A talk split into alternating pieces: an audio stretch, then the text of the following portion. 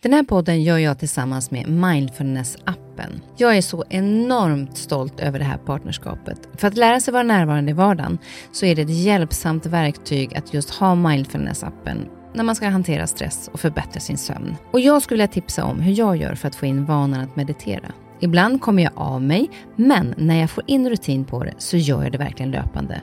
Och det jag gör då, det är att jag mediterar samma tid och på samma plats varje dag. Börja hellre med någon minut varje dag istället för en längre stund och kom in i rutinen och öka sen därefter längden på meditationen.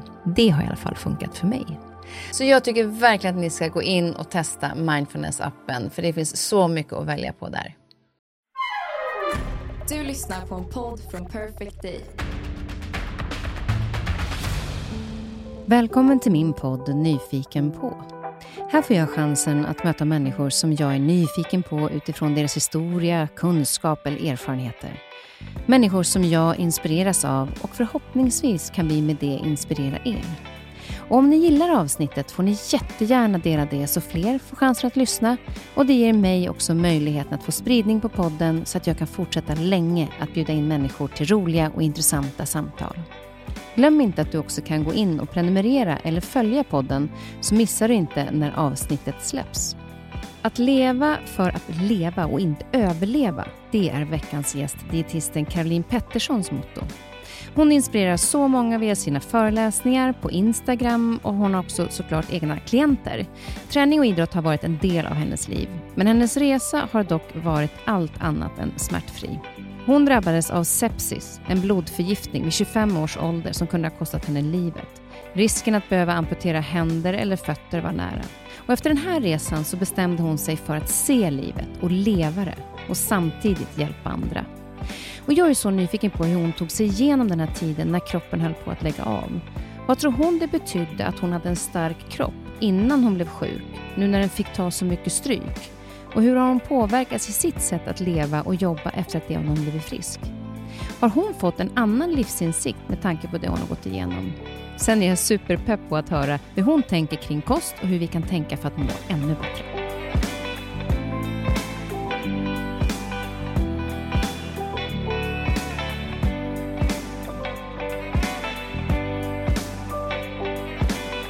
Vi har hunnit prata så mycket nu innan, så kaffet har ju hunnit bli kallt till och med.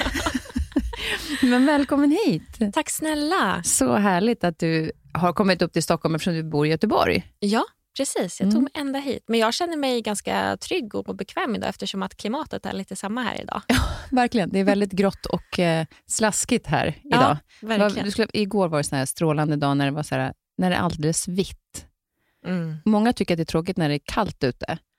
Och så här, Åh, det är så kallt ute, jag fryser. Ja, fast det är väl skönare att det är kallt och vitt än slaskigt och varmt? Eller ja, vad säger du? Jo, 100 procent. Alltså. Men jag lyckades missa den dagen. Ja, exakt. Men du är så välkommen hit i alla fall. Vi ska Ja, välkomna tack. dig nästa gång med, med bättre väder.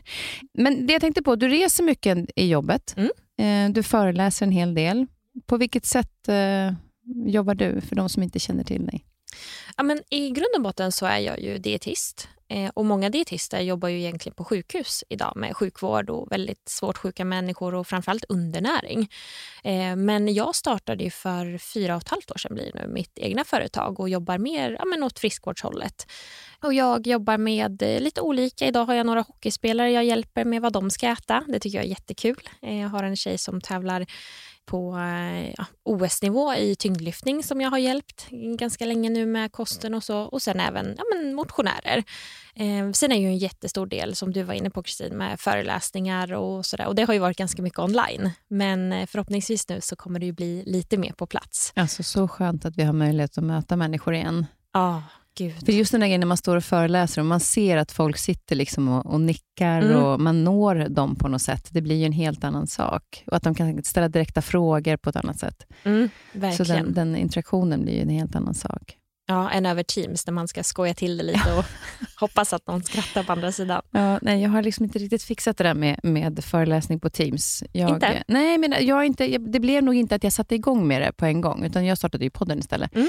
Eh, och Då tog det så mycket tid, vilket jag älskar. Och Då kände jag så här, men då kan jag ta tillbaka föreläsningarna sen nu när restriktionerna släpper. Mm.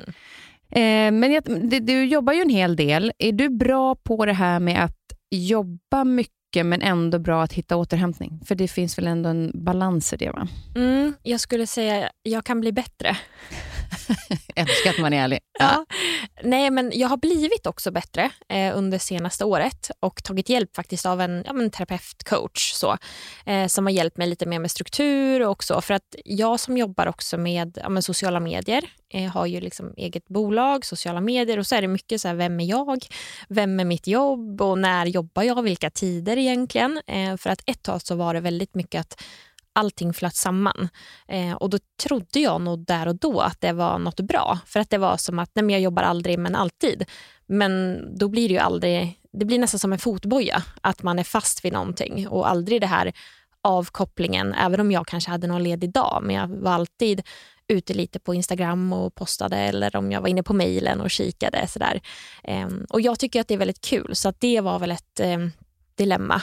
Eh, en, dilemma? Jo, men det är ju det. För att jag tycker det är väldigt kul och då blir det ju inte heller att man kanske bromsar sig själv. Eh, för någonting som man tycker är kul vill man ju göra ännu mer av. Ja, de säger ofta det att de som drabbas till exempel av utmattning, det är ju många som älskar sitt jobb mm. och har nästan svårt att begränsa sig i att man bara jobbar mer och mer och man kommer på nya idéer och man vill göra det här.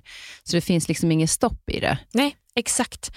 Så att, eh, men jag har som sagt blivit lite bättre och mina lördagar nu de är helt så off och ingen mail eller någonting. Eh, och Sen har jag blivit lite bättre på att ta tillbaka lite kommando. Att nej men nu jobbar jag, även om det är söndag, då kan jag sätta mig tre timmar och jobba. Men jag har till exempel alltid fredagar som en dag som jag jobbar max kanske tre, fyra timmar. Um, så jag har nästan som, min veckobudget är lite tydligare nu, eller mycket tydligare skulle jag säga. Att I mean, Det är en ledig dag där och de dagarna, måndag, tisdag, onsdag, det är mina men lite så köttardagar. Eh, då jobbar jag mycket, men det är också så att det tycker jag är kul, så att jag skulle inte hindra mig själv från det. Men att jag mer har möten och liknande på torsdagar och sen fredagar som sagt har jag gjort till en ja, men lite mindre dag. Så jag har nog nu skapat mig en balans som jag trivs med väldigt bra. Det, är det, som, det viktigaste är väl att man hittar återhämtning, men, men det är också så när vi är så lättillgängliga. Mm. När det finns eh, mejl i telefonen, då är det så lätt att man kanske så här, man har en timme över där man inte gör någonting. Så tar man upp telefonen, det gjorde i alla fall jag. Mm. Och så satt jag och svarade på mejl en lördag. Och Då var det en kompis till mig som, som var hemma hos mig. Jag satt ju otrevligt nog och svarade på mejl. De bara, det är inte så trevligt. och Då tittade han så här, ja, men varför svarar du på mejl nu för? Ja, men det är så skönt att ha det gjort, så slipper mm. jag på måndag. Ja, eller så börjar du jobba en timme tidigare på måndag och så svarar du på allting, så håller du dig borta från jobbet under helgen. Och jag bara, ja just det, så kan mm. man göra. Så det blir ju liksom en... Att jag också visar det andra att jag svarar alltid. Mm då gör jag mig ju tillgänglig hela tiden, vilket Exakt. gör att jag har ju sett till att jag aldrig är ledig. Mm. Verkligen, och som du sa, bara det när jag gick hit, min lilla promenad, då kollar jag ju mejlen. bara för att sådär, och sen visst, idag har jag ju lite att jag kommer sätta mig och jobba lite sen och så, men det blir de här lediga stunderna man fyller upp och precis det känner jag mig igen mig jätteväl i. Som du sa, att man gör det för att man, ja, men då är det tömt inför måndag. Men då kan man istället ja, men planera för mm. måndag. Eh, för annars blir man ju aldrig det här riktigt återhämtad. Eh, och i längden är ju inte det alls bra. Nej, det är ju det som är, är just att hitta rätt livsstil så att den blir hållbar. Mm. Eh, så att jag Precis. orkar länge. Jag har förstått som att du är ganska målinriktad också. Ja, men det är jag. du lite. jo, men det är jag. Det är absolut. Har du alltid varit det? Ja, jag kommer från, jag har spelat fotboll eh, när jag var liten och eh, Eh, alltid varit ja, men mycket så prestation i form av att jag var väldigt nervös inför matcherna. Eh, för att jag ville ju så gärna vinna. Eh, och så så att det har hängt i faktiskt, skulle jag säga. Eh, och sen nu framförallt senaste åren när man jobbar, eh, jag är ensam i mitt företag och sen så har jag eh, en tjej som hjälper mig lite grann. Men just det här att ja, men jag, jag drivs av det. Det blir som liksom vatten på min kvarn liksom med mål och liksom ta sig fram och sådär. Och det är både positivt och negativt vissa gånger kan jag tycka.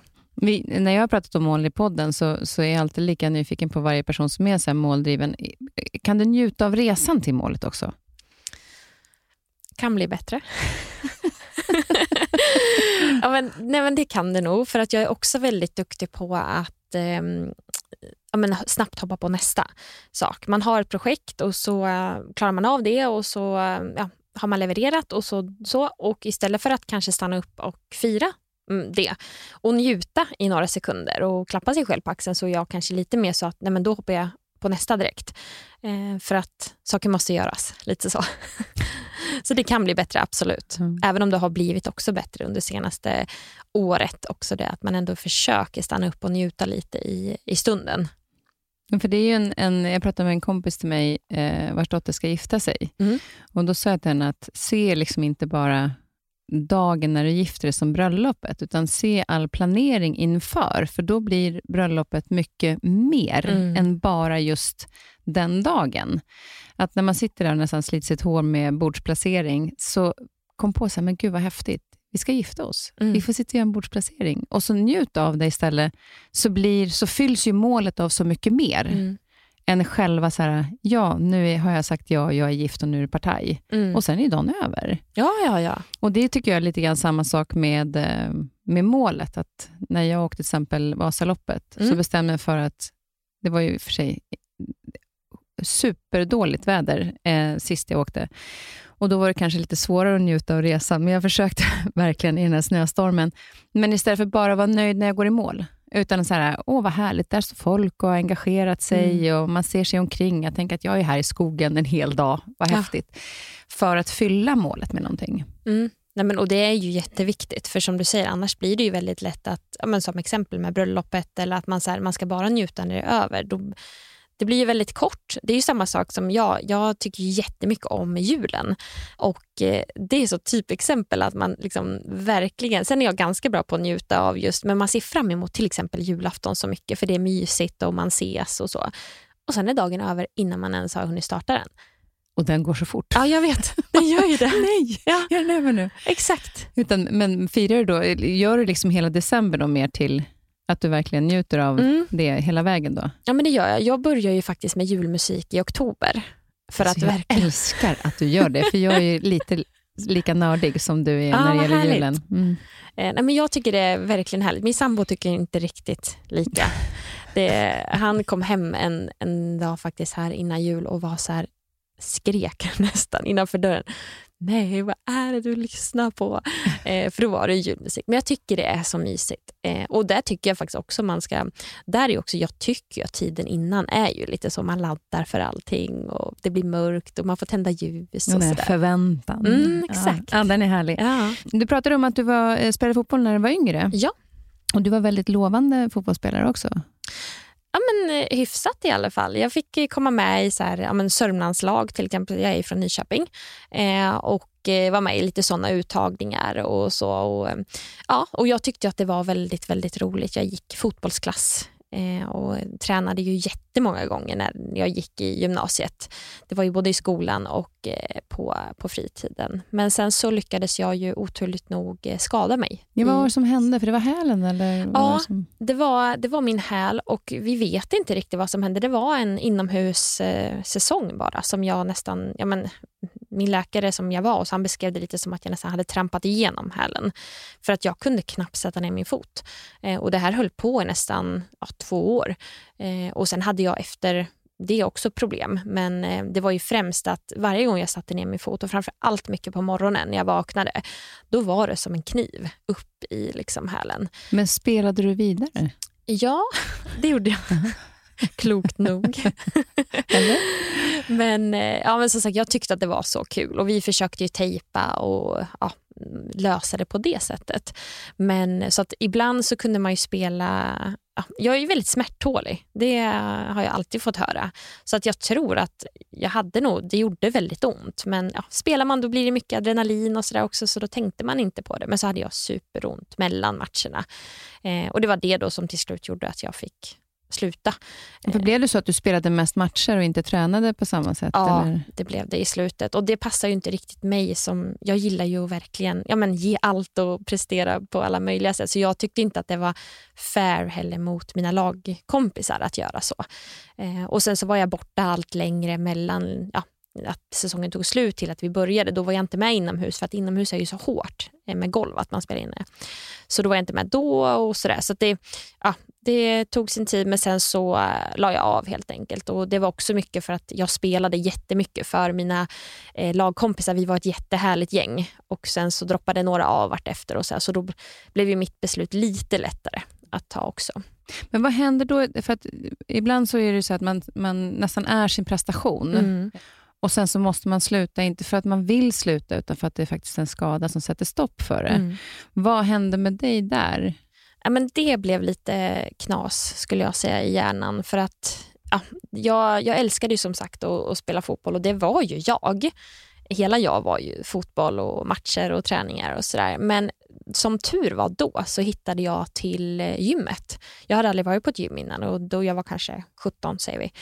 Um, och då började jag gymträna och jag började också gymträna under rehabtiden, att jag fick cykla och göra vissa övningar. Uh, så att jag överlappade det ganska bra tror jag. Så att det blev aldrig den här djupa dalen i det utan ja, men jag hakade på gymträningen och hittade intresse i det. Eh, för att jag har alltid gillat att träna och svettas och ta i. Ehm, så det blev aldrig riktigt så. Men sen var det det här med just lagkompisar och ja, men du vet, åka till en träning och ändå träffa alla och matcher och man åkte iväg och sådär. Var det det du saknade mest sen? Ja, men på, på ett sätt. För de blev, vi blev så nära eh, sista åren allihopa som spelade då. Eh, och, eh, så, så. Men som sagt, sen slutade ju några andra också. Då blev det lite lättare för då var det liksom inte bara jag som eh, behövde sluta. Men som sagt, jag tror det var att jag överlappade mm. med gymmet. Så jag hittade ju, jag bara flyttade mitt fokus dit istället för att sådär, låta det bli en katastrof. Ja, för du utbildade dig också till PT. Mm, exakt, eh, och det var ju också sånt intresse som bara ökade när jag började gymträna. Eh, och så, så då sökte jag in och utbildade mig till personlig tränare och eh, kostrådgivare faktiskt då från början. Mm. Och Hur länge jobbade du med det? Trivdes du i det, med det jobbet som personlig tränare? Nej, och det var för att jag tänkte ju så att utbildar jag mig till personlig tränare, då får jag träna hela tiden. Men mm. det gör man ju inte, utan man tränar ju andra människor. Så att jag kom ganska snabbt på att det här var inte det jag tänkte. Eh, det var inte det jag ville. Och Sen så var det så att man blev först klar personlig tränare eh, och sen så var det en kurs eh, efter det som var just kostrådgivare då, som jag gick. Jag tror att det var fyra helger eller något sånt. Och då märkte jag att wow, det här var ju spännande. Eh, hur man kan påverka och hur allt funkar. Och om man jämför med dietistutbildning då så skrapade vi egentligen bara lite på ytan. Men det var liksom där jag blev väldigt fast i, i det och så. Och sen så har jag alltid velat bo i Göteborg. Ehm, så att då kände jag, nej men jag kollade och så var det, det fanns lite olika utbildningar men just dietistutbildningen då fanns ju i Göteborg, Umeå och Uppsala. Men vad var det som gjorde att du ville till Göteborg? Nej, men det var Håkan. alltså det här är så härligt. Håkan Hellström. Ja. Alltså, men, men nu måste du berätta lite. Att, mm. Känner du honom? Nej, Nej, så synd. Men så synd. jag önskar jag gjorde. Men du ville ändå till Göteborg för att Håkan Hellström kommer därifrån? Ja, ja men alltså han, jag kan, han sjöng mig lite till Göteborg tror jag. Jag har alltid tyckt om hans musik och jag var mycket på hans eh, konserter. Jag var på Hovet här i Stockholm och i Norrköping och åkte ändå lite så. Jag, jag var inte på alla ska jag säga så, men jag åkte på mycket konserter med honom och lyssnade mycket och sådär. Och jag är ju en sån här lite nörd i att jag verkligen har ju nördat ner mig i hans texter. Eh, för de är ju fantastiska tycker jag. Eh, och då så blev det bara automatiskt att nej men det finns en utbildning i Göteborg, jag vill bo i Göteborg. eh, och då så. det finns olika anledningar till varför man flyttar till olika städer. Men, ja. men var det också för att han hade förmedlat Göteborg så fint i sina texter? Ja, det var, ja men du vet med spårvagnar och allting och idag känner jag inte riktigt samma kärlek till spårvagnar kanske. Men så. Och sen så var det att eh, jag kollade lite även på just Umeå för utbildningen fanns ju där. Men där var det faktiskt att jag kände att nej det är lite långt. Mm. Att eh, flyga upp dit just från ja, men hem då som är Nyköping och där min familj är. Eh, fyra timmar bil till eh, Göteborg är ju ändå ganska, ja men det är lagom, man kan åka över dagen. Så. Man behöver väl inte stanna i tre veckor. Ja, för familjen är viktig. Ja, absolut. Och Nyköping. Jag vet att du har väldigt nära kontakt med din brorsa också. Var det inte han som hade hjälpt dig, eller liksom kickat igång det här med dietistutbildningen? Jo, precis. Det var han. Han är ju själv kiropraktor. Eh, och Det var han som peppade mig att verkligen, ja, men, eh, eftersom att jag hade det intresset, att verkligen så här, ja, men, ta en legitimation så utbilda dig mer liksom, ännu mer om du gillar det. Ehm, så att jag inte bara stannade där. Utan, eh, så det var han som verkligen så peppade mig. Och han har alltid liksom peppat mig. Han är fyra år äldre. Ehm, och han är, ja, vi har ju varit bästa vänner och bästa ovänner skulle jag säga genom alla år. Liksom slagits och ja, massa så, men också väldigt tajta. Mm, men roligt ändå att ni är inom samma område mm. när man ändå har en så fin kontakt. Verkligen. Eh, som också kan komplettera varandra när man pratar om jobbet till exempel. Om mm. man inte bara tänker privat. Liksom, att man ändå har den, den gemenskapen i det. Mm. Exakt. Nu måste jag fråga, har du träffat Håkan Hellström? Två gånger. Eller nu ljög jag Kristin. Jag har ju sett honom en gång och träffat honom jag gick fram. Jag, liksom, jag gick rakt fram. Jag, det var så komiskt. Han eh, bor ju i, eh, i Haga, tror jag, i mm. Göteborg. Och där har jag sett, jag mötte honom en gång när han var, jag cyklade och han gick. Och Då blev jag nästan så att jag ramlade av cykeln för att jag blev så chockad. Eh, och Sen var det faktiskt i en annan affär, bara en sån liten jättemysig affär i Haga.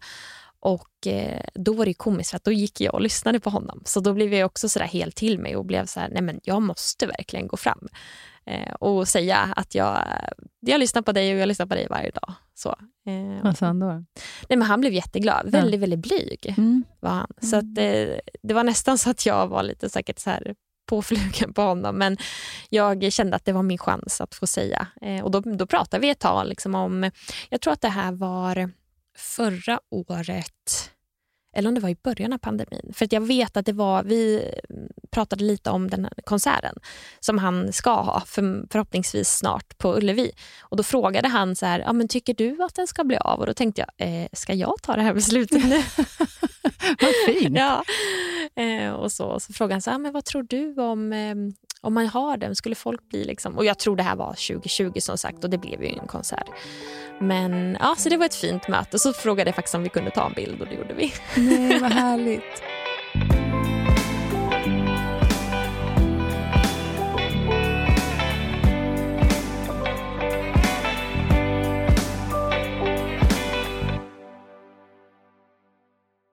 Jag tänkte på just det här när, när eh, du hade jobbat ett tag som PT och eh, sen kom du in på det här mer med dietisten. Mm. Men sen hände ju det här som, som förändrade ganska, eh, ditt liv ganska mm. dramatiskt. Att du fick då sepsis som en blodförgiftning. Ja. Vad var det som hände? Du var 25 va? Ja, 25. Mm. Det var, jag fick ju en sepsischock eh, meningokockinfektion. Och meningokock är ju en bakterie som typ 10% ungefär har i näsan idag. Mm. Eh, och I näsan så är ju den inte farlig. Eh, det är ju när den kommer in i blodet som den blir ja, livsfarlig rent ut sagt. Eh, och det är ungefär 50-60 personer i Sverige som får det varje år. Så eh, väldigt unik på ett ganska livsfarligt sätt så att säga. Eh, men jag blev helt enkelt, eh, ja, men jag blev lite febrig, du vet nästan så influensaaktigt. Eh, en fredag var det. Eh, och sen så var jag ute, jag tränade och jag blev inte varm och hade ett möte och jag satt med min jacka, så där jättekonstigt efterhand att sitta med dunjacka inne. Men jag var så frusen. Ehm, och Det här var i början eh, av september. Så det var ju lite så ja, höst, eh, lite början på höstväder ute, men jag gick i dunjacka redan. Eh, och Sen blev jag lite bättre när jag väl fick komma hem och ta Ipren och Alvedon eh, på eftermiddagen och tänkte att äh, jag kan gå på teater ikväll. Så jag gick på, eh, på Lorensbergsteatern i Göteborg med ja, min sambo och några vänner och då sa de också så att du ser inte riktigt pigg ut. För jag var ju väldigt ja, men glansig på ögonen och sådär. Sen åkte jag hem i pausen för att samma sak där var jag tvungen att gå och hämta min dunjacka i pausen på teatern för att jag frös så mycket och hackade tänder. Det har jag aldrig gjort innan mm. för att jag fryser så mycket. Eh, och Sen blev jag bara värre och värre där på natten i att jag fick ja, hackade tänder, jag svettades, jag var uppe mycket och gick. Och på morgonen när jag vaknade hade jag jätteont i nacken och jag hade ont i ryggen, mm, feber och väldigt så trött och lite borta skulle jag säga. Ehm, så ringde min sambo sin ehm, mamma som är barnmorska och eh, moster som är kirurg och frågade bara. så och Då sa ju de att det är nog kanske njurbäckeninflammation så ni kanske måste åka in just eftersom att jag hade så ont i ryggen. Eh, så vi åkte in, vi tog taxi eh, in till Sahlgrenska på akuten och så tog de lite prover på mig och så där så fick jag ligga där och sen så skulle de ta sånt ryggmärgsprov för att ja, utesluta vissa saker. Då. Och så misslyckades de tre, fyra gånger eh, och det gör ju så himla ont. Mm. Eh, och sen till slut, när de tog då provet och sen var jag så här, nej nu måste jag få panik, jag måste gå på toa.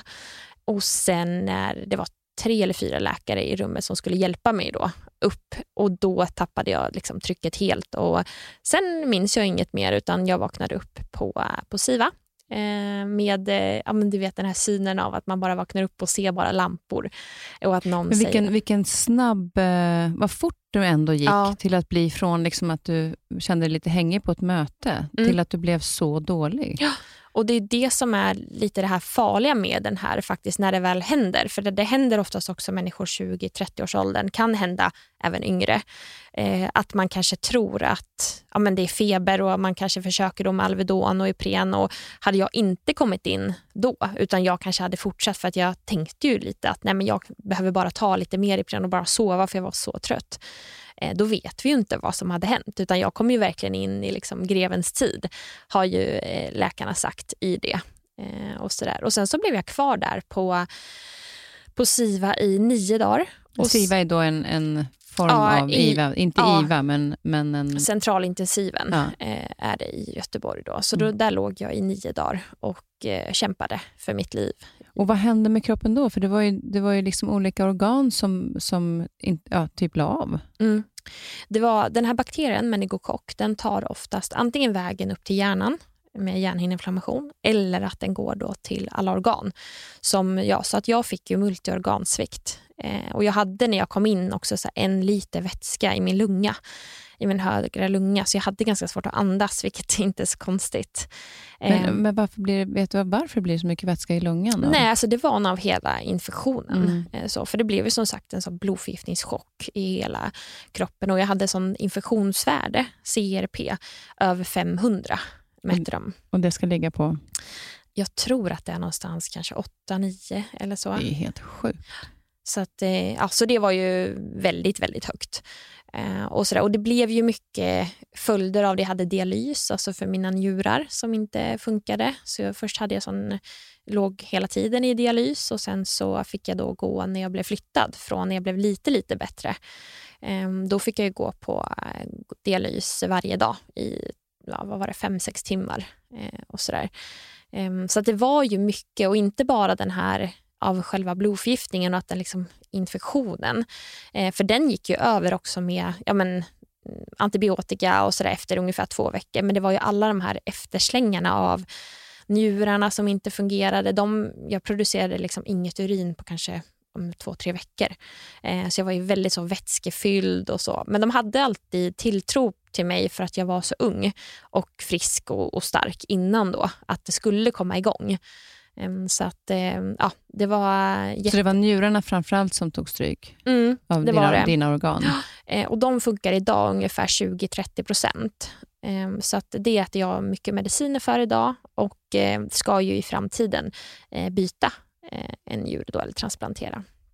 Okej, men det är ingen brådska med det eller? Nej, utan man kan leva, för det första så kan man leva ju med en njure, en fungerande. Och sen så är det så att det finns olika steg när man är njursjuk. Eh, och jag är på väg in i eller stadie ungefär fyra och det är liksom ja, att det ökar symptom och ja, så. Och när man är i stadie fem då, så det ska gå ganska långt. Eh, och innan jag eventuellt kommer få byta njure eh, så kommer jag också behöva gå på dialys igen eh, och äta Och det massa, massa innebär?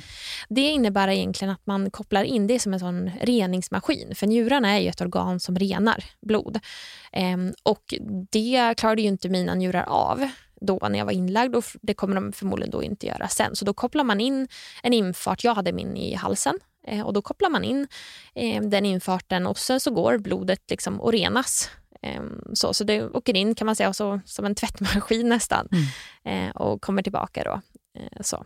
Och det gör man då innan, innan det, det tanke på transplantation? Och så? Ja, precis. Så um, det, det blir liksom ett steg i taget kan man säga. Eh, och sen är ju en, en transplantation är ju en väldigt stor grej, så det är heller ingenting som man vill göra så här att, för jag, jag mår ju ganska bra idag och lever på, så då vill man ju heller inte göra det i så att säga onödan, utan det, det gör man ju i ett sista skede. Mm.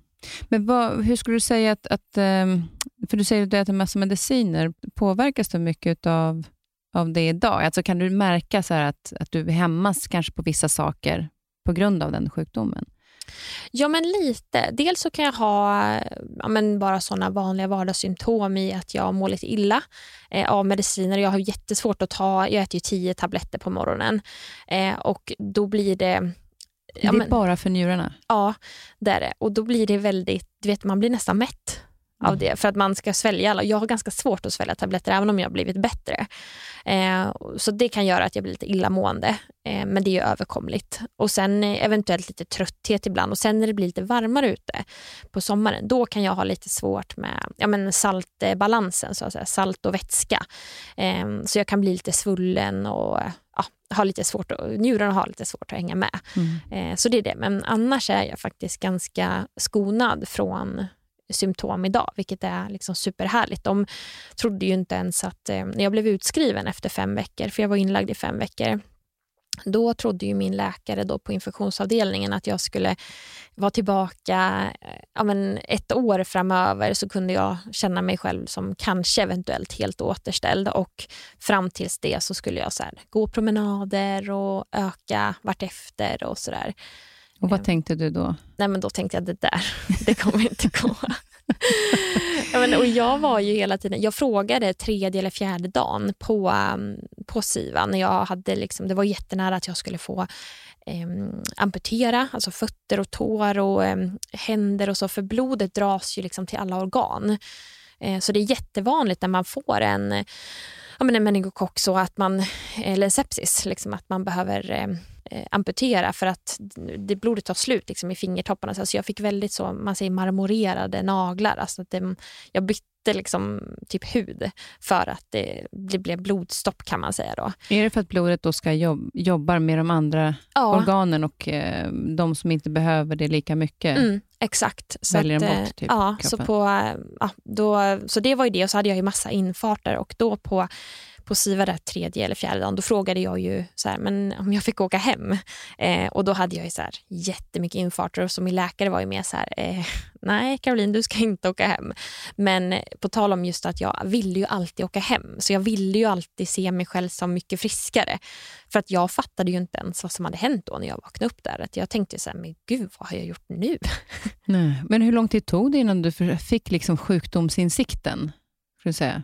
Det var när jag blev flyttad eh, från eh, ja, intensivvårdsavdelningen då till Östra sjukhuset och fick komma dit. För att då var det en, en sköterska som tog emot mig och välkomnade mig och jag fick mitt rum. Och då så berättade hon vad jag hade gått igenom. Ja, men du har ju fått det. Och så gick hon igenom lite snabbt då. Och då tänkte jag så här, men va? Vem pratar du om nu? Eh, men det var också så där och det har jag pratat med mina föräldrar om. För mina föräldrar eh, kom ju direkt ner den dagen som jag Eh, blev sjuk naturligtvis. Eh, och de har ju sagt också att de och även läkarna har berättat men jag har nog inte lyssnat och jag, har inte, jag hallucinerade ju mycket på eftersom man blir väldigt hög av allting som man får i sig där. Eh, så att jag var nog inte mottaglig. Men det var första gången som jag hörde också meningokock infektion och förstod det. Och Sen så skulle jag säga att kanske när jag blev utskriven och fick läsa min journal och fick läsa min dagbok som de skriver på, um, på intensiven, eh, då så landade det nog i att oj, det var ganska allvarligt. Och Hur tror de att du fick det då? Eftersom du hade det tydligen i näsan, men är det något mm. som kommer in då via sår eller på vilket sätt? Ja, alltså som sagt 10% har det i näsan, så det kan vara så att någon till exempel har nyst och jag har så här hälsat på den som man gjorde förr innan ja. pandemin. Ja. Eh, jag hade ett jätte, jättelitet sår på lillfingret eh, som de ja, odlade på och tittade sådär men man hittade aldrig riktigt så hur jag hade fått det. Så eh, min läkare när jag blev utskriven, när vi hade sånt utskrivningssamtal och informationssamtal och där vi fick ställa frågor, så jag och mina föräldrar, då var det mycket att eh, du har haft extremt otur. Mm. Bara. För du bär inte själv den i, Nej, eller det vet, det vet jag inte riktigt. Nej. Nej. utan det är mer att, sådär att den har förmodligen kommit in i blodet av någon annan. Mm. Eh, men man vet aldrig när och var och så. För jag, jag menar på förmiddagen också så var jag ju och tränade den dagen och då mådde jag ju bra. Mm. Så det här gick ju verkligen, ja, men som du sa, det gick väldigt, väldigt fort. Otroligt fort. och att komma till ett sånt kritiskt läge. Mm. Liksom. Så det, men vad tror du att, kring det här med att du har jobbat mycket med träning, du tycker om att träna själv, du har en stark kropp och liksom din, din eh, mentala styrka också. Vad tror du den har betytt för dig att komma tillbaka? Jättemycket. Eh, för som jag sa så var jag väldigt så att jag, jag, är ju, jag såg aldrig mig själv riktigt som, som sjuk. Eh, och det låg nästan en sån frustration i mig när jag tittade mm, utanför mitt sjukhusfönster och tittade på sociala medier och så tänkte jag så här, nej de här människorna de bara lever på sitt liv utan att tänka efter. Eh, så. Men jag såg aldrig mig själv då som sagt som riktigt sjuk utan jag ville ju så gärna bli frisk. Alltså jag frågade var och varannan dag när jag skulle få åka hem om jag kunde få permission och sådär. Och det var ju jättemycket att i början så var det ju mest för att de, jag var ju för ikopplad i alla maskiner så jag kunde inte åka hem med alla de eh, grejerna. Och efter, jag tror att det var efter fyra veckor så fick jag min första permission. Och då var det också sådär lite att, eh, när jag såg andra människor som levde eh, och gick, eh, jag kommer ihåg när vi kom till Korsvägen, så här känd stor rondell i Göteborg, att jag såg så mycket människor som bara gick runt och inte tog vara på livet. Och då blev jag så arg. Och Det blev väl en ganska stark insikt? Ja, men det blev det. Och sen just att, sådär, att livet är så oerhört skört. Så jag kände ju att efter de här veckorna när jag hade bara legat i sängen, jag låg ju verkligen jag kunde inte gå heller, så det fick jag ju lära mig på nytt och öva, liksom, för jag var ju väldigt skör. Du var så, du var så pass eh, skör och svag i kroppen ja. att du inte nästan klarade av att gå när du kom Nej, utifrån? Precis, så då fick jag öva med en arbetsterapeut och en gåstol. Eh, och vi var ute och var vi ute och gick och tog någon promenad med mamma pappa eller min sambo som kom och hälsade på så var det väldigt mycket att vi hade rullstol och så provade jag lite och gick och så. Eh, men det var också så väldigt envis eh, och vi har en film på när jag liksom nästan dansar runt och min mamma är så orolig så man hör det sådär, nej vad gör du nu? Men jag tror det var liksom drivkraften i att jag, var, jag ville inte vara sjuk utan jag ville så gärna bli frisk mm. igen. Men när du kom ut ifrån sjukhuset mm. så satte du upp ett mål med tanke på din eh, otroliga eh, drivkraft mot mm. mål. Eh, och Det var inte riktigt det som läkarna pratade om. Ja, för att jag tror att det var så fjärde, femte dagen när jag var inlagd på, på eh, intensiven så, så försökte de ställa mig upp då, eller jag skulle öva, det är en sån sjukgymnastikgrej att jag skulle ställa mig upp. Eh, och då så sa de så att nu när du ställer dig upp så krävs det typ lika mycket energi för, som för kroppen att springa ett helt Göteborgsvarv. Eh, och då bestämde jag mig att det skulle jag göra. Så att i maj, det var väl 20 eller 19 eller någonting, jag blev utskriven i slutet av oktober och i maj så sprang jag eh, Göteborgsvarvet. Det är helt galet. Då har man pannben va? Ja, jag tror det. Ja, ja kanske ja. jag tror det. Men, men där någonstans också kan jag säga att, att ha den... För det är en sak när man ligger på sjukhus, att man jobbar med att, att vilja bli frisk. Mm. Eh, men att, för det är ju inte enkelt att göra jobbet efteråt. Verkligen inte. Det är jätte, jätte, jättesvårt och framför allt eftersom att i början så fick jag ju inte heller, jag fick inte gå ut och gå själv. Jag skulle alltid ha någon med mig och då pratade vi promenader på tio minuter.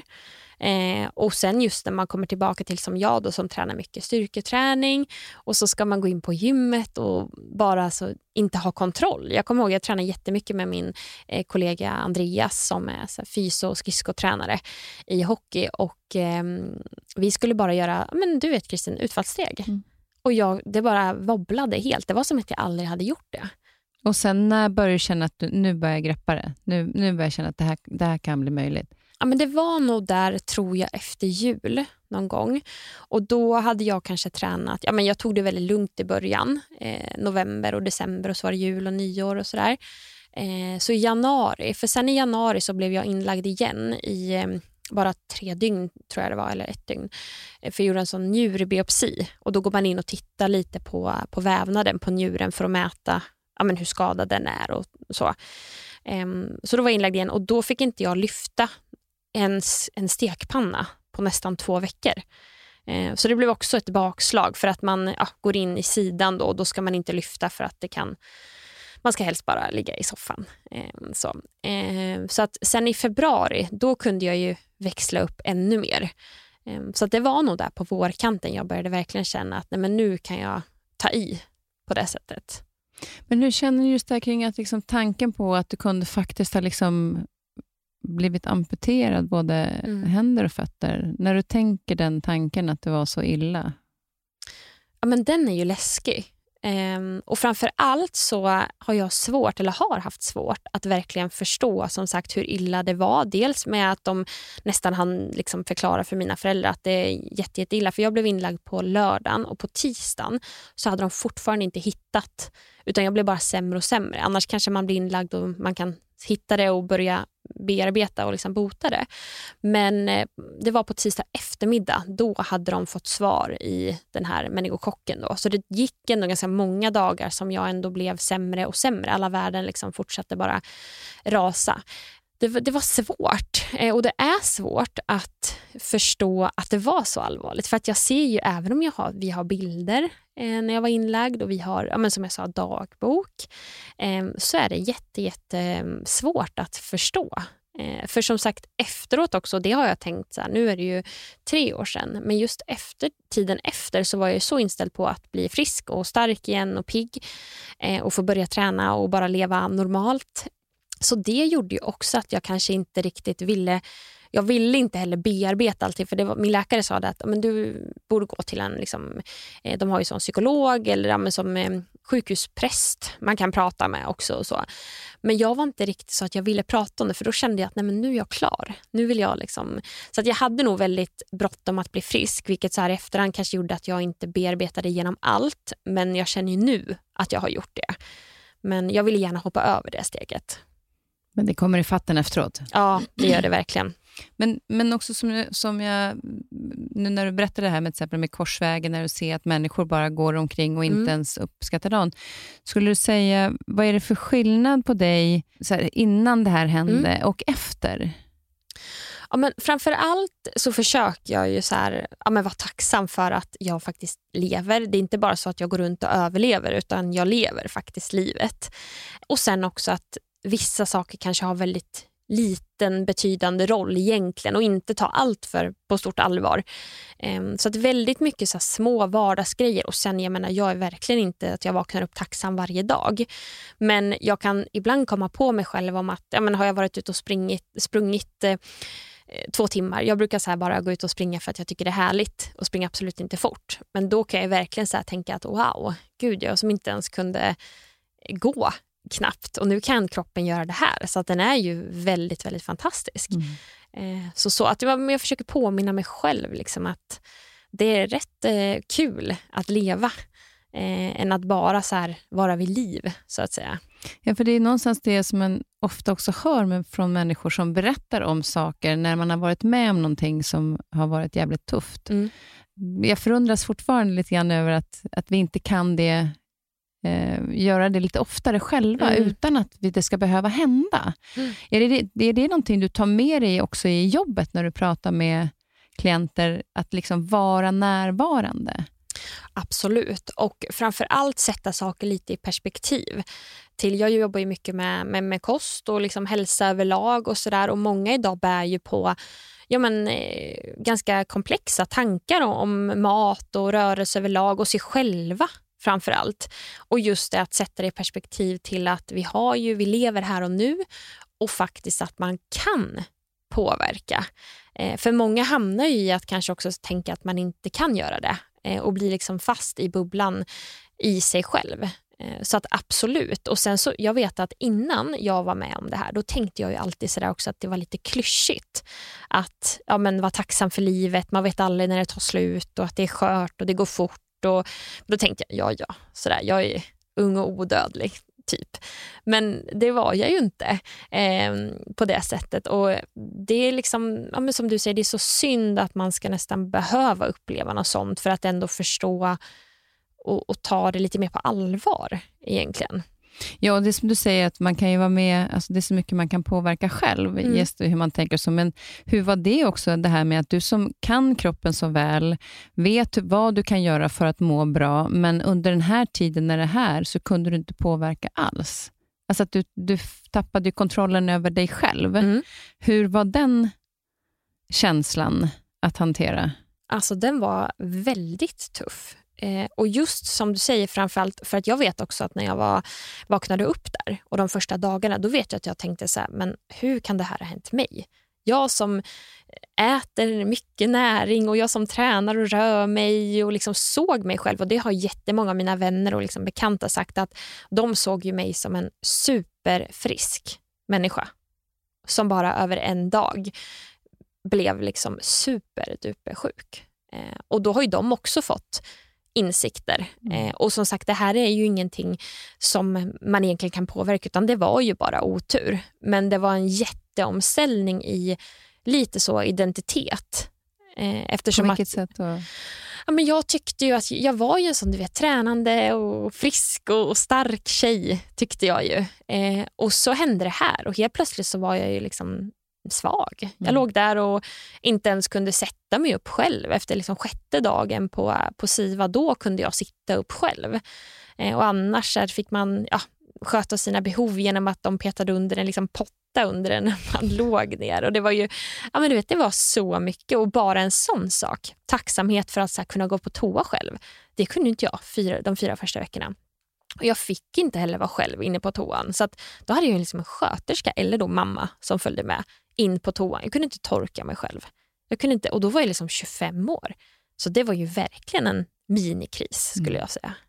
Och hur, när, när man har den erfarenheten med sig, när du idag eh, lever det livet du har nu, mm. på vilket sätt har det stärkt eh, i, men, alltså livet generellt? Ja, men just det här att eh, tacksamheten och sen så att det inte behövs heller så mycket för att faktiskt vara lycklig. så att säga. Just att så här, ja, men jag kan faktiskt gå in på toan och torka mig själv. Det är faktiskt ganska härligt. Jag tycker, det var exakt, vilken uppskattning. Ja. Alltså, det är helt underbart. En sån enkel sak ja, egentligen. Ja, men verkligen. Och sen bara det här att ja, men sova i sin egen säng. När man har, och någon som lyssnar på det här har säkert också varit inlagd eh, på sjukhus under en längre tid. Vilket gör att när man har legat i en sjukhussäng och varit med om att så här, man kan, ja, men den är ju inte så jätteskön.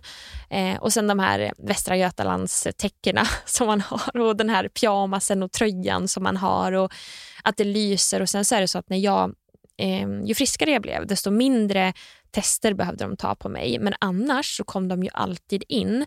I början när jag blev eh, på SIVA är man ju alltid två i rummet, två sköterskor för att de övervakar en så man är aldrig ensam. Eh, men när jag blev flyttad till avdelning då är man ju ensam för då har man ju sitt rum. Men då kom de ju in i början och tände upp alltså varannan timme på natten för att ta prover på mig och ta febern för att se. Eh, så du vet, det var ju också en sån grej att säga, men snälla jag sover, låt mm. mig vara.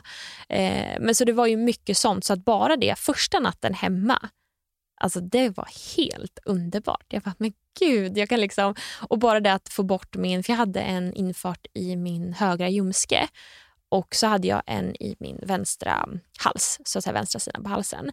Och om man föreställer sig det så vet man att det är ganska svårt att sova på sidan. För jag kunde inte lägga över benet åt ena sidan och jag kunde inte ligga åt andra hållet för att jag hade infarter där. Så det var också så här, i typ fyra veckors tid så låg jag liksom på rygg och försökte sova. Så bara det, så du vet, när man fick bort infarten och kunde vända sig om, det var ju halleluja. Alltså.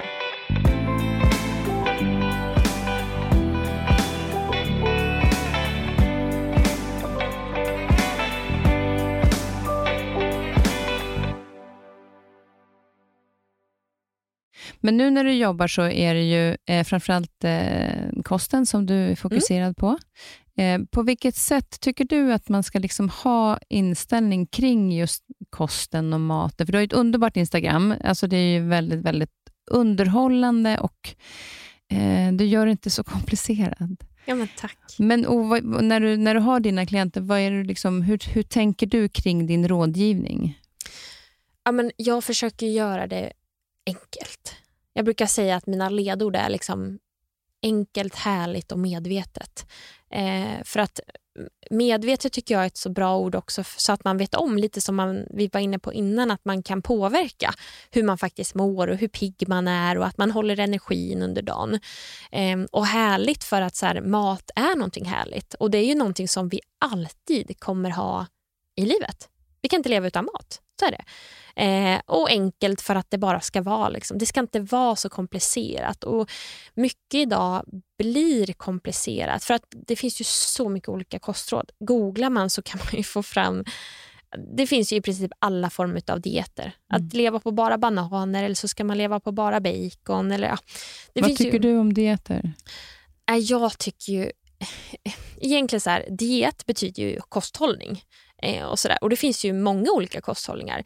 Men jag tycker framför allt att om man ser till de här klassiska dieterna som finns idag så blir det ju också det här mycket, det blir mycket regler. Det blir mycket det här rätt och fel. För att oftast så är ju det ganska klassiskt för en diet att det finns saker som du ska äta och saker som du absolut inte ska äta. Det är de sakerna som oftast är. Eh, och med det så tycker jag också att det kommer det här med att ja, men när det finns rätt och fel så ger man ju sig själv en chans att så att säga misslyckas. Och Då blir det ju det här med dåligt samvete och att man hamnar i liksom ond spiral på det sättet. Istället för att tänka som jag försöker jobba jättemycket med med mina klienter, att så här, nej men allt, allt är tillåtet. Liksom, ät allt men inte alltid, som jag brukar säga. Jätte, men också lite liksom klyschigt men ändå härligt. För att vi kan ju inte leva på bara broccoli och vi kan ju heller inte leva på kanske bara pizza. Utan vi behöver ju en, en jättehärlig blandning. Eh, och framför allt som sagt komma ifrån det här bra och dåligt, rätt och fel. Eh, för då blir det också lite mer, tycker jag, liksom harmoniskt. Eh, och att det inte blir så laddat för folk, för att det kan det oftast bli. Mm. Och varför, varför, tror du att det har blivit laddat? Är det för att vi är olika? Jag tänker så här, många som har fastnat med de här olika dieterna, alla människor är ju olika, olika mm. förutsättningar. Vi är olika ålder, olika kön, tränar olika mycket. Alltså det blir ju, då kan man ju inte göra som den andra, för det passar inte mig. Och, alltså det finns ju så många olika... Jag menar, om inte jag äter gluten, då kan jag ju inte äta rekommendationer där jag ska äta en del pasta. Liksom. Alltså för jag tål inte det. Att, hur mycket tror du liksom att man ska bli intresserad av sig själv och utgå ifrån det mer än att liksom lyssna på alla andra? Ja, men alltså 100 procent ska man göra så. För jag tror också som du säger att man, man påverkas så mycket utifrån hur man ska göra, hur man inte ska göra och så ser man andra andra lyckas med en diet och en träningsresa. Eller, för det är jättetrendigt idag att göra sådana extrema saker. Eh, men det man inte ser på eventuella före och efterbilder och så där, det är ju hur man mår på insidan. Eh, och är man inte samma genuppsättning, lever exakt samma liv, är exakt samma person som man sällan är med någon annan, eh, så kan man inte jämföra sig. För att det är helt olika. Även om du och jag Kristin skulle äta exakt samma mat, träna på exakt samma sätt, så skulle vi inte se likadana ut. Mm. Och så är det ju. Ehm, och framför allt bara så vända blicken inåt lite grann och kanske gå tillbaka till så här, ah, men vad är det för mat jag gillar? Hur ser det ut på tallriken? Planerar jag lite så att jag inte kommer hem vrålhungrig? Eh, lite så basic-saker. Liksom. Så att man inte krånglar till med att det måste vara den här superduper mega smoothien eh, med liksom alla konstiga bär från alla möjliga världens länder. Utan eh, men det kanske räcker med en deciliter blåbär mm. i, i smoothien egentligen. Eh, och så där, för jag tror att när det blir det här att det blir för krångligt och för mycket och för extremt, det är då också folk nästan istället för att börja där man är så bara ger man upp och tänker att nej men det där, jag har ändå inte, jag tycker inte om det här superduper bäret från det här landet ändå, så då, då struntar jag i det. Istället för att ja, men, nej, men jag tycker om äpple, så jag kan äta äpple. Vi är ute efter också hela tiden att få det här liksom magiska eh, pillret nästan i att sådär, eller dieten, liksom, vad, är det, vad tycker du är den bästa dieten? Den får jag jätteofta. Eh, och då brukar jag säga så här, ja, men den du kan hålla idag och för all framtid. Och oftast är ju det kanske en jättebra blandning av allt, men inte alltid. Mm. Och Det är just det som du säger, att det handlar om att hitta en hållbar situation som gör att det blir en livsstil. Mm. Och faktiskt, eh, jag har själv haft problem med, med kosten när jag var liten, mm. med maten eh, när jag var väldigt ung. Och Då blev det ju att jag fokuserade mest på det som jag inte fick äta, mm. vilket gjorde att i mina tankar ville jag bara äta det. Ja. Fast hade jag tänkt på allt det där goda som jag mådde bra av, mm. och att inte känna så att ja, men det, nu ska jag synda lite. Nej, Nej, jag syndar inte om jag tar en kanelbulle. Nu har jag tagit hit då från, eh, eftersom vi, ja. ingen av oss äter gluten, både, oh, de är så goda med muffinsarna och ja. kanelbullar från eh, René Voltaires Peps, på det är glutenfritt. Att man, när jag äter dem, alltså jag njuter så mycket. Mm. Och det skulle jag nog inte ha gjort för länge sedan. Nej. För att jag kunde inte njuta av det. Jag ville ha det, åt det och sen hade jag bara dåligt samvete. Mm. På vilket sätt tycker du att man kan jobba med de sakerna? Ja, men, och Det där är ju så klassiskt, för att ofta så tycker jag också att många hamnar i nästan så att man, man dividerar jättemycket med sig själv innan om man ens ska äta den där kanelbullen. Ja eller nej, ja eller nej. Vad händer om jag gör det? Och kan jag göra sådär? Du, du, du. Sen äter man den. Man njuter inte under tiden för att man planerar nästan direkt vad man ska göra kommande. Eh, och så blandar man in samvete och så får man dåligt samvete. Och då istället för att gå tillbaka bandet och tänka så här, hmm, är jag sugen på kanelbulle? Ja men det är jag. Ja, men då sätter jag mig ner och njuter av den nu här. Eh, och sen var det det. Mm. Man har ätit en kanelbulle och så går man vidare med livet. Eh, istället för att det blir den här, ja, som jag sa, lite, alltså det blir sån laddning eh, kring det och man förstorar upp det istället för att, som jag också försöker säga till mina klienter, så här, se saker i ett liksom, större perspektiv än bara det här, den här måltiden eller den här dagen för den delen. Jag brukar dra jämförelsen i att ja, men, istället för att tänka att en dag är förstörd, eh, så att om man får punktering på ett däck på bilen, då tänker man inte så här, ah, nej, men då punkterar jag alla andra tre däck, för nu är ändå dagen förstörd. Det, det gör man ju inte, utan man försöker laga, man kanske har ett reservdäck. Eh, och, så och så lite samma är det med det här med allt eller inget-tänket på det sättet också. Om man tänker att man, om att man var ett företag också, så skulle någon, något annat företag investera i en då är det inte så att det företaget bara tittar på så en dag i okay, hur har det gått för det här företaget nu, utan man tittar ju över tid. Och precis på samma sätt är det ju med kost och hälsa och liksom sådär att man kan påverka varje dag, absolut, men det är ju det större perspektivet och det som liksom kostmönster eh, som är liksom det. Så att i lite sådär få perspektiv eh, och ta lite så kommando i så här, men hur vill man leva sitt liv? Um, för att det går verkligen att ja, men så här, komma ur tankar och sådär. Men det krävs också att man... Det finns inget magiskt piller som man kan ta så att man tänker att oh, nu känns det jättebra. Utan det handlar om så här, för oftast går man ju runt och bär på egna sanningar kring mycket eh, liksom om kost och träning och myter och sådana saker som man har hört. Eh, och de sanningarna är kanske inte ens en sanning. Nej, exakt. Mm. Eh, och då att man liksom bryter det mönstret, för det är också en sån sak som man verkligen måste göra, att så här, bryta mönster. Att lever man på ett sätt idag och liksom har vissa tankegångar, då kanske man måste så men hur, så här är det idag, kartlägga lite. Hur fungerar jag? Vad är det som funkar bra enligt mig själv och så. Eh, och sen att man aktivt försöker se att okej, okay, det här är mitt önskade läge. Där vill jag vara. Vad är vägen dit? Hur ska jag ta mig dit? Behöver jag kanske ta hjälp av någon? Behöver jag berätta för någon att jag tycker det är jobbigt att äta, men nu är vi inne på kanelbulle så jag säger det igen. Men så. Eh, för man ska också veta om att man är liksom aldrig ensam med det. Och Det blir nästan värre om man bara också går runt och tänker på saker utan att prata om det. Ehm, för att oftast om man lyfter det så kan man få ja, men dels kan man prata med någon om det och kanske förstå att nej, men det här det känns inte så rimligt.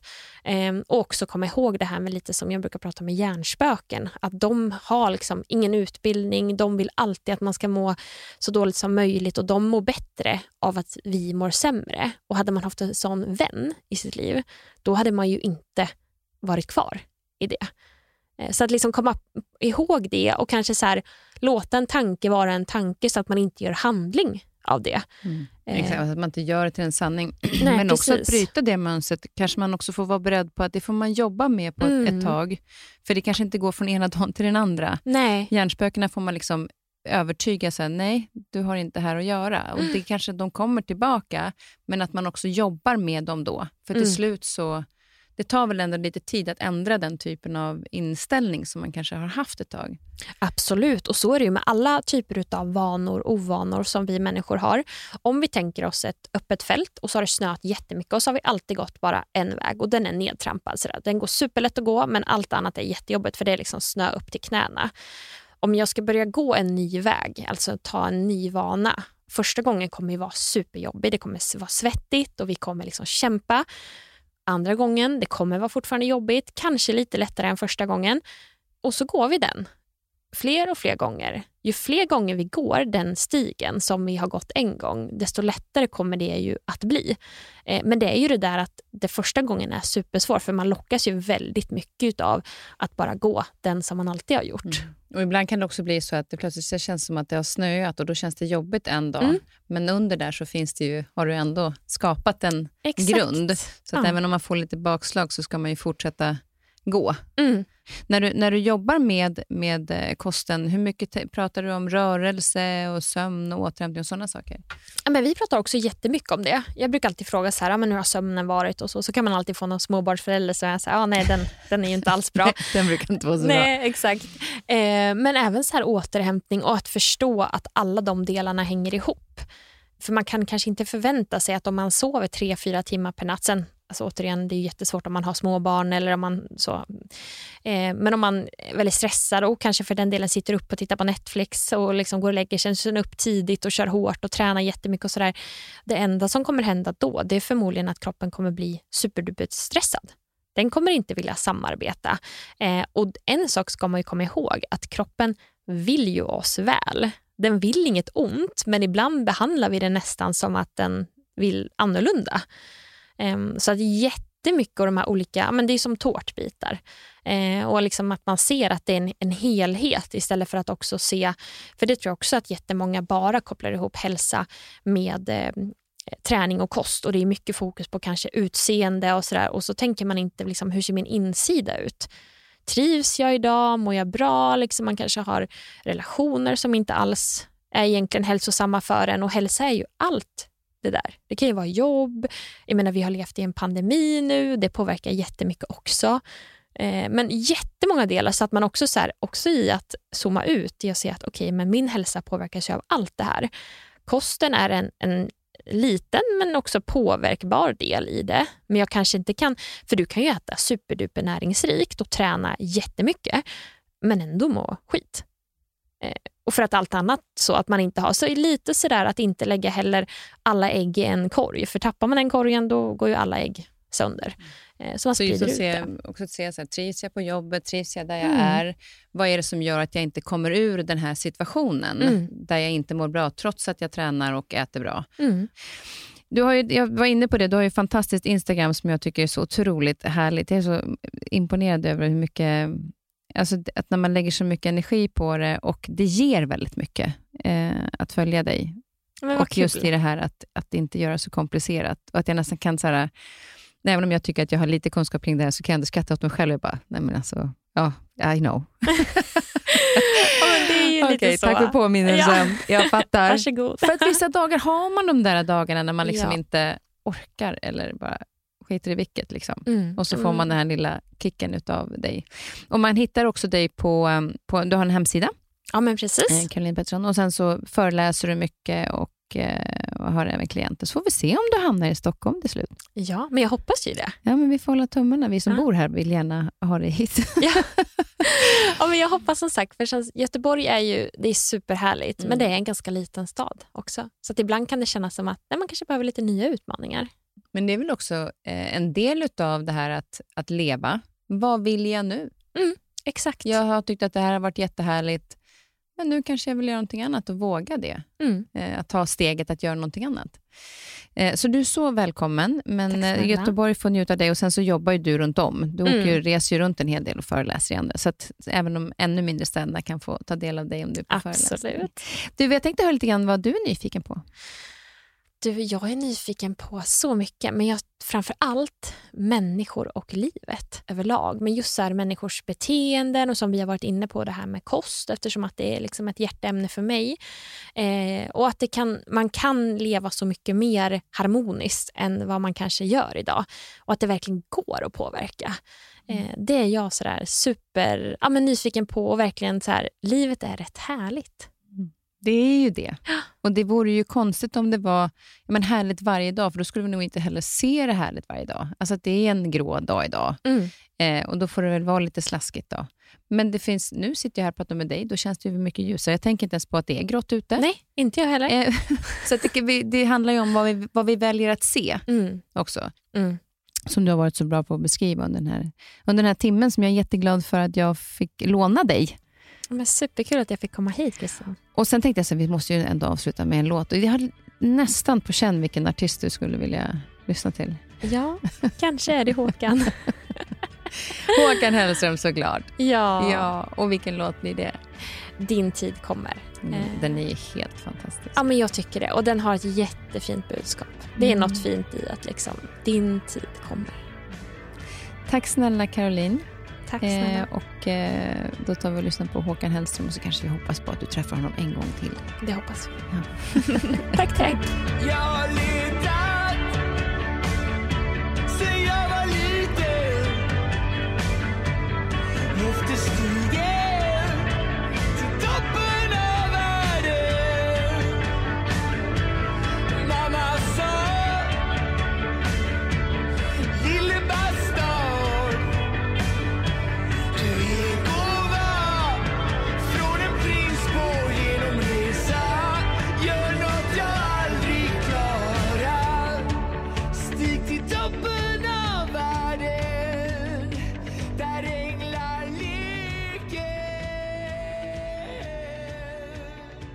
Den här podcasten är producerad av Perfect Day Media.